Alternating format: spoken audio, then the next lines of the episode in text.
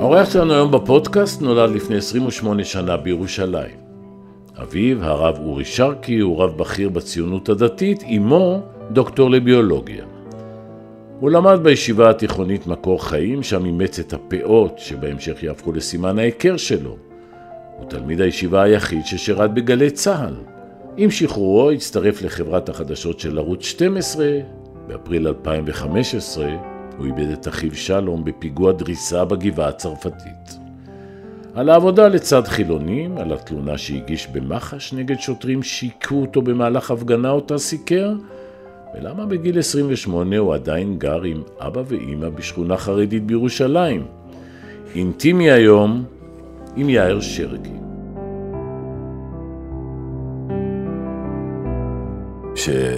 כשאמרתי הפאות סימן ההיכר שלו, זה התנועה שעשית. נראה לי שהתנועה הזאת הייתה על תמונה אחרת אחר כך. ש? עם השוטרים. מה קרה שם באמת? זה יס"מ, נכון? כן, אבל זה נורא מצחיק אותי שגם בחרתי את התמונה הזאת וגם שאנחנו פותחים איתה, כאילו, בסדר, זה אירוע כאילו מאוד זניח שהיה לפני 4-5 שנים. מה קרה שם? סיקרתי הפגנה, חשבו כנראה שאני מפגין או משהו כזה, ו... ומה? זהו, נו, דחפו אותי על המדרכה, אירוע שנופח מעבר לכל פרופורציה. דחפו אותך על המדרכה, נפגעת? לא, אתה רואה אותי פה בחתיכה אחת. לא, לא, אני מתכוון, אה, נפגעת במובן של עלבון, לא פיזית. לא, תשמע, זה היה, אתה יודע, אירוע מסעיר, כאילו מרביצים לך שוטרים, אבל uh, בסדר. אירוע שהיה לפני המון שנים, אני אומר לך, הספקתי לשכוח אותו, אם לא הייתי מקבל טיפ שאתה הולך לשאול אותי על זה, אז... Uh... כי אני אומר, תעבור הלאה, תעבור הלאה, אני לא רוצה להתעכב על זה, ואני תוהה למה. סתם, אתה יודע, היה הרבה דברים אחרים אחר כך, אבל אתה יודע מה, בוא, נדבר על מה שתרצה. זה אירוע, אני חושב, סימבולי. למה? כי חשבו שאתה אחד מהמפגינים, כי זה סוג המראה שאתה צריך להתמודד איתו, אני מתאר לעצמי, בכל מיני uh, מצבים. בסדר, זה ברור שאני מסקר את הדתיים, את החרדים בישראל, ויש לי לוק של דתי, יש מי שיגיד חרדי, כלומר, חרדים לא חושבים שאני חרדי, אבל חילונים בהחלט טועים לחשוב שאני חרדי. אז בסדר, ברור שזה מייצר איזשהו קונפליקט בהקשר הזה. לאורך כל הציר אפשר לומר. אז זאת נקודה שהיא כן אמיתית. אבל האירוע הוא ספציפית, אני אומר, בסדר, המשטרה מרביצה לערבים, היא מרביצה לחרדים, היא מרביצה במחאת יוצאי אתיופיה, היא מרביצה חופשי, אז זה לא... אתה היית שם כעיתונאי. כן. אתה מפחית מהסיפור, אבל היית התלוננת במח"ש. כן.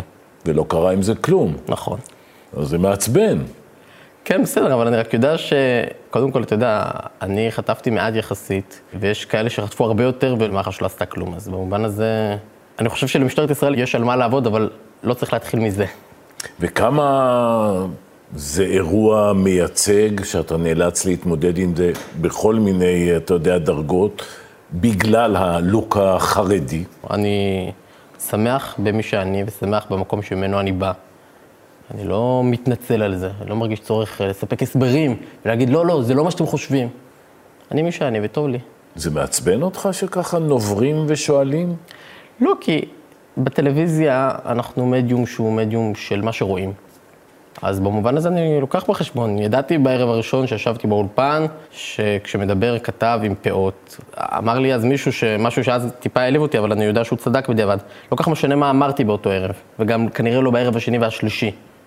אמר, מספיק שאתה יושב, זה לא משנה מה אתה אומר, אף אחד לא מקשיב ממילא. בסדר, אני מבין שיש משמעות ללוק, אבל אני מקווה שאחרי ארבע שנים התגברנו. נגיע לזה, אל תדאג. אוקיי. כלומר, נדבר 20 דקות על הפאות, ואחרי זה עוד 4 דקות נקדיש לנושאים אחרים. קצת גם לאחי. מה, פיתחת סביב זה גם איזה סוג של אה, נוגדנים, הדיבור על האח, הצורך לשתף? מה זה נוגדנים? קודם כל פשוט, זה דברים שעולים בדרך כלל בשיחות כאלה. לא, זה דבר שהוא די פרטי, אז כאילו, אני לא יודע כמה אני אשתף אותך, אבל מותר לך לשאול. קודם כל אני רוצה להגיד לך, ראיתי את התמונה.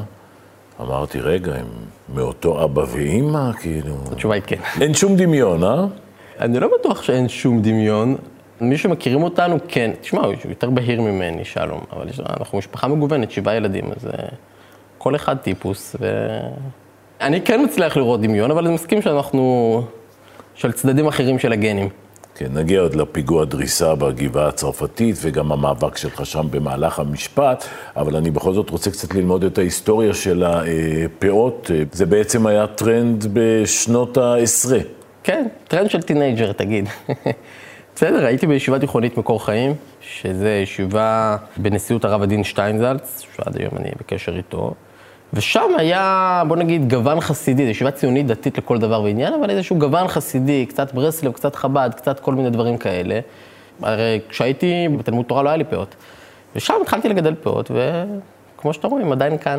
לא, אני מבין שרובם נגמלו מהטרנד ואתה התמדת ונשארת איתם. יש לך ממש מודיעין אם אתה יודע שרובם נגמלו מהטרנד. כן, זה נכון שהרוב היום בלי, אבל עוד פעם, לכן גם לא כל כך כדאי לייחס לזה המון חשיבות. לא, אני חושב אנשים... פשוט שיש פה איזה מלכוד. אתה כבר לא יכול היום להוריד אותם. וואו, כי אם היום שואלים אותך על הפאות, איזה כאב ראש יהיה לך אם תחליט להוריד אותם. יכול להיות שזה יהיה טיפה יותר מורכב אם אני ארצה לעשות את זה, אבל זה לא משהו שאני לא יכול לעשות אותו. ובסדר, אני לא חושב שכמה שאלות הם מה שיגיד לי איך להסתפר. כרגע טוב לי, אז... אה, אבל אתה מודע לזה שבגדול אתה פורץ דרך, ותמיד יש מחיר למי שפורץ דרך. סבבה, מוכן לשלם, כאילו. כלומר, אני לא יודע אם יש עוד מישהו בטלוויזיה שלפחות לא היה לו טלוויזיה בבית ההורים. אמ, כן, אין טלוויזיה באמת בבית של ההורים שלי, שם אני גר, ואני גם לא חושב, עוד פעם, בלי לשמוט את הקרקע מתחת המדיום אה, שבו אנחנו כעת מדברים, אבל אני גם לא חושב שתהיה טלוויזיה בבית שלי. זה לא שאני מתנזר מתכנים שמשודרים בטלוויזיה, אבל לא התרבות שמונח מסך במרכז הסלון, וזה המקום שאליו זורמים. כשאין משהו, אז יש את המסך. מתי בעצם ידעת שאתה רוצה להיות עיתונאי? אני חושב שדי מוקדם. אני חושב שכיתה ו', ז' או ז', ח' כבר ממש, אפילו הייתי קצת מדבר על זה. אבל אתה יודע, זה קרה בסוף במיונים לצבא, כשפתאום ביקשתי, הייתי עם פרופיל קרבי, אבל ביקשתי להתמיין לגל"צ, וקיבלתי את האפשרות, וזה התגלגל וקרה. כמה זמן לקח ברעיון קבלה בגלי צה"ל ששאלו אותך על הפאות, או נמנעו מלהסטיף את זה בכלל? כשנכנסתי, אני זוכר שהיה רגע כזה, שאנשים זזו. אה, אבל אה, אני לא זוכר אם שאלו אותי ישירות על הפאות, אתה יודע מה, זה באמת מעניין. ברור ששאלו אותי, זוכר, אה, מישהו ששנינו מכירים שאל אותי איך אני אוכל אה, לסקר ההבלים כמו האח הגדול. בסדר, אני זוכר שהיה כל מיני שאלות כאלה. אה. אבל, אבל זה מעניין הרגישות שלך. כלומר, בשפת הגוף אתה קורא את האי-נוחות שאתה נכנס. נכון, אבל אני גם מודע לאפשרות שתהיה אי-נוחות כשאני נכנס. אז יכול להיות שאתה יודע כבר, אתה מייצר לפעמים, אני משתדל לא לייצר את הדבר הזה. אבל בסדר, אני יודע כאילו, אני ראיתי מי ישבו על הספסל לצידי במסדרון. לראיון. אז אתה יודע כאילו מי... בוא נחזור קצת ל- לילדות שלך. אתה גדל בירושלים, בשכונה חרדית לכל דבר. כן, שכונה מתחרדת, שכונה שאתה דתית ונהיית חרדית, נכון? אני גדל בגבעת שאול. אני יכול להניח שאבא שלך לצורך העניין היה מעדיף שתהיה תלמיד חכם מאשר עיתונאי בגלי צה"ל. ברור שתלמידי חכמים זה איזושהי עילית. אני רוצה שהילדים שלי יהיו תלמידי חכמים. גם אני רוצה. אבל אתה יודע, אבל זה לא שאבא שלי לא רצה שאני אהיה כתב בגלי צה"ל, זה לא משהו שהוא רע בעיניו, זה לא משהו שהוא מתבייש בו, לדעתי להפך. אבל אתה יודע, גם אני רוצה שהילדים שלי יהיו תלמידי חכמים. למה? כי זה דבר טוב, הם עוסקים אה, בדברים החשובים באמת. אז למה לא הלכת בכיוון הזה? כי אני חשבתי שהמקום שלי, בתוך המציאות, הוא איפה שאני נמצא היום. ואתה בעצם אחד משבעה אחים. נכון. והאמירה לגור עם ההורים זה פשוט אה, פונקציה של אה, אילוצים כלכליים, או זה נראה לך הדרך הנכונה בגיל 26? אתה יודע, זה... אחי אמר לי פעם שיום אחד הוא עזב את הבית ועבר לגור אצל ההורים. זאת אומרת, כאילו, שם גדלתי, גר שם. לעזוב, כאילו, בשביל לקחת שני אנשים זרים ולגור איתם, או שותפים זרים, או... טוב לי, נוח לי. וכשאני ארצה ללכת, אני לא יודע, אתה יודע, זה אפילו יכול לקרות בטווח שבין הזמן שאנחנו מדברים עד הזמן שזה משודר. שאני אחליט ללכת, אז אני הולך. שמה יכול להיות המניע להחליט ללכת? הכל, מה? בין אם אני כאילו מתחתן, בין אם אני, לא יודע, הכל יכול להיות. כשאתה פתאום מפרסם דברים מאוד לא מחמיאים על הרבנים מעלי, שמדברים בזלזול על אה, נשים, אה, בין השאר, אגב, הנתון הסטטיסטי שהן הרבה יותר אחראיות על תאונות דרכים כן. וכולי, אני מתאר לעצמי שאתה צריך להתמודד עם אש מבית. אש מבית אולי כן, אבל דווקא אותו מעגל של חברים מהישיבה, הם חושבים כמוני על הדברים האלה. ברור שברחב יותר, אז יש לי משפחה גדולה, יש לי בני דודים שלומדים בעלי, לאבא שלי יש חברים, האנשים האלה יכול להיות שהם חברים של אבא שלי אפילו. זה כן דברים זה שקורים. לא תיאורטי, מה התמודדת אחרי? זה- אני מסכים שהפרסום על המכינה בעלי הוא פרסום שגרר אחריו הרבה מאוד תגובות קשות, הרבה מאוד. היה, אני חושב שקיבלתי מאות מיילים, בחיים לא קראתי, מיילים ארוכים. אני לא מדבר איתך על טוקבקים, מיילים, אני בן אדם יושב וכותב לך טקסט שלא יודע, של 500 מילה, הרבה מאוד. כן. שמה היה המוטו? היה כל מיני, תקפו את זה מכל מיני זוויות, של גם הוא לא התכוון וגם הוא התחרט, אז למה פרסמת? אבל היותר מורכב, איך אתה עושה את זה אתה? זו כאילו הנקודה שאתה מוצא את עצמך. שמע, אמרת במאמר מוסגר, בני דודים שלי, הם אה, לומדים שם. כן, בסדר, יותר דווקא לא הייתה בעיה, אבל ברור שיש איזושהי ציפייה מסוימת. נכון, יש, במובן הזה, יש יתרון מסוים לזה, אני יכול להגיד שהיום כל כתבי הדתות, החרדים, איך שלא תקרא לזה, מגיעים מרקע דתי. יש יתרון, כי אתה מדבר את השפה, אתה מבין אותה, אתה גם יודע לא להוציא דברים מהקשר. אבל ברור שגם לפעמים אנשים מתאכזבים, בסדר, אומרים, איך אתה? בסדר, אני לא עובד אצל מישהו, אמרת איך שלחנו אותך, אף אחד לא שלח, אז הכל בסדר. אני לא מתכחש למקום שממנו אני בא, אני אוהב את המקום שממנו אני בא, אני גאה בו. בסדר, אבל זה עדיין לא אומר שאני צריך לדפוק חשבון. אני מצטט את עצמך לעצמך, אבל לדוגמה, אה, אמרת, אני לא מקיים תרי"ג מצוות.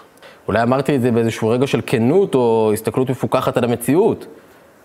אף אחד, אגב, לא מקיים תרי"ג מצוות, כי הרבה מצוות היום לא מקיימים מכל מיני נסיבות.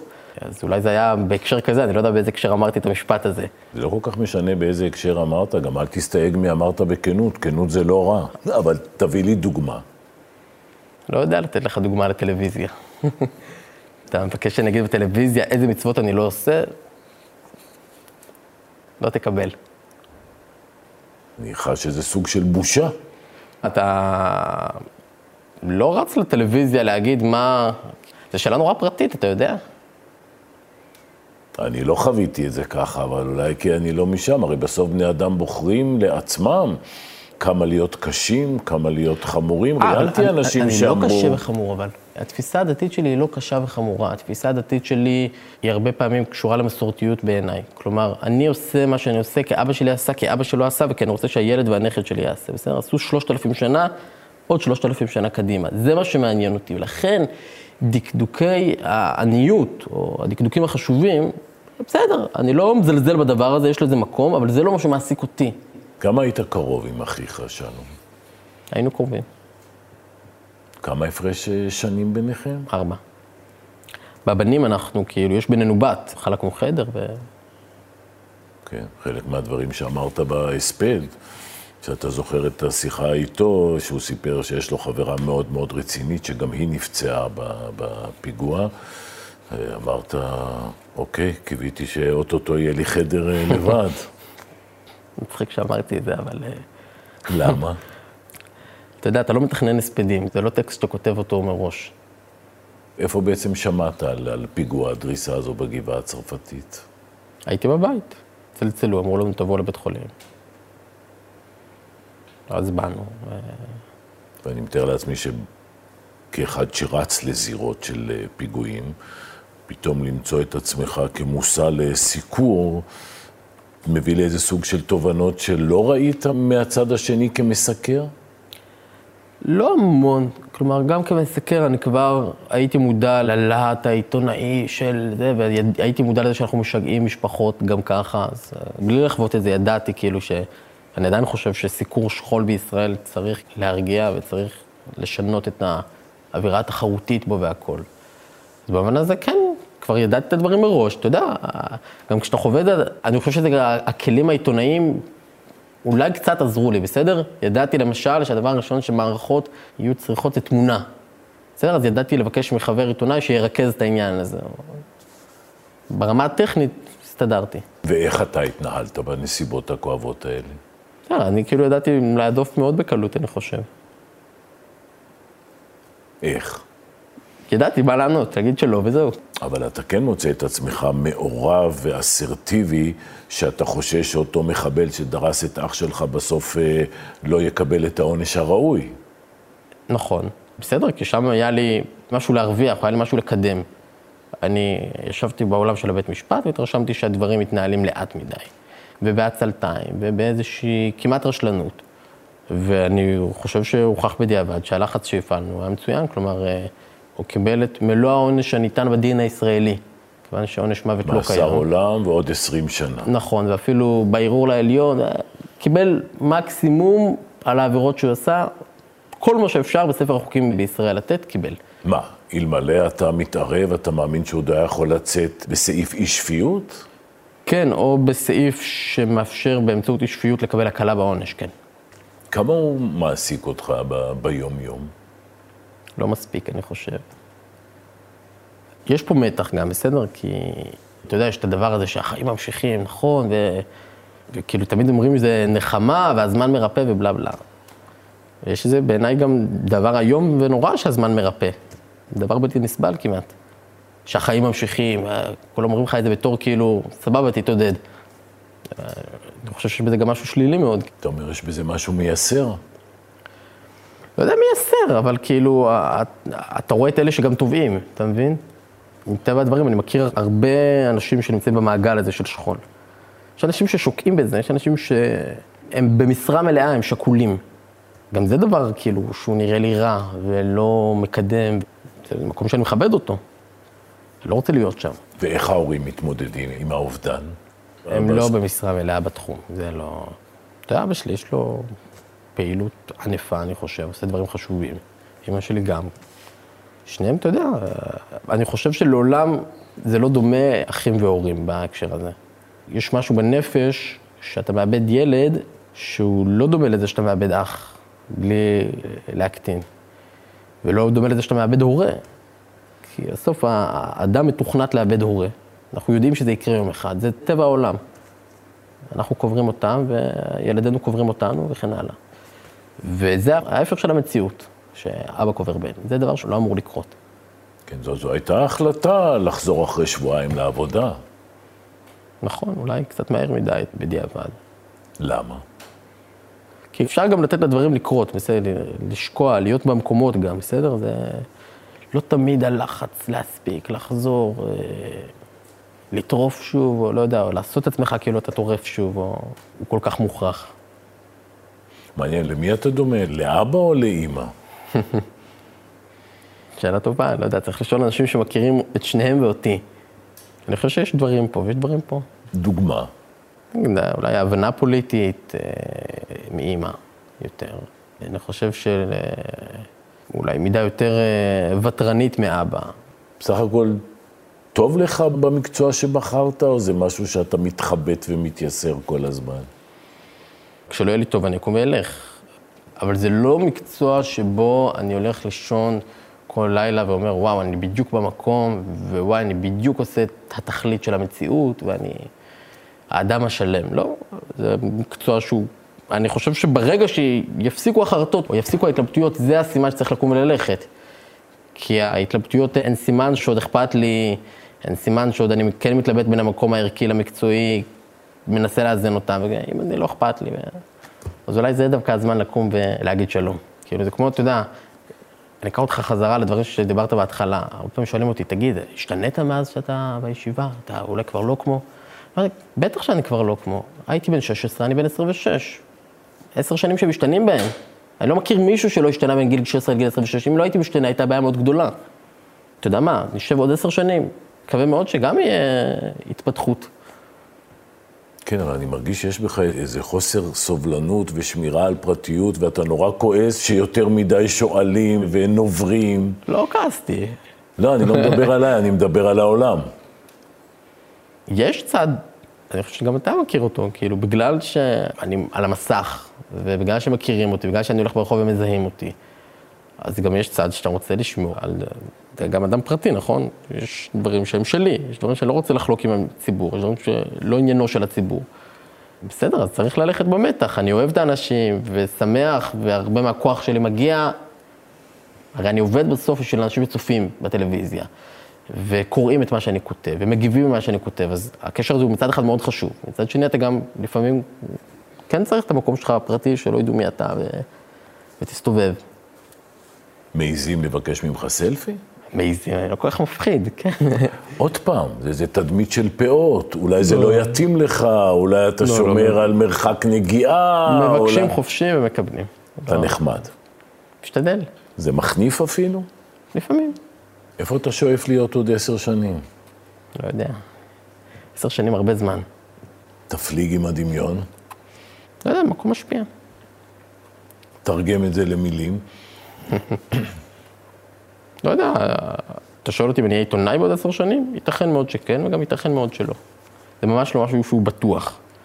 שאמרנו, דיברנו עליו קצת קצת, שהוא שוחק, ומחיריו, והעיסוק לפעמים שמשתלט עלינו כבידור.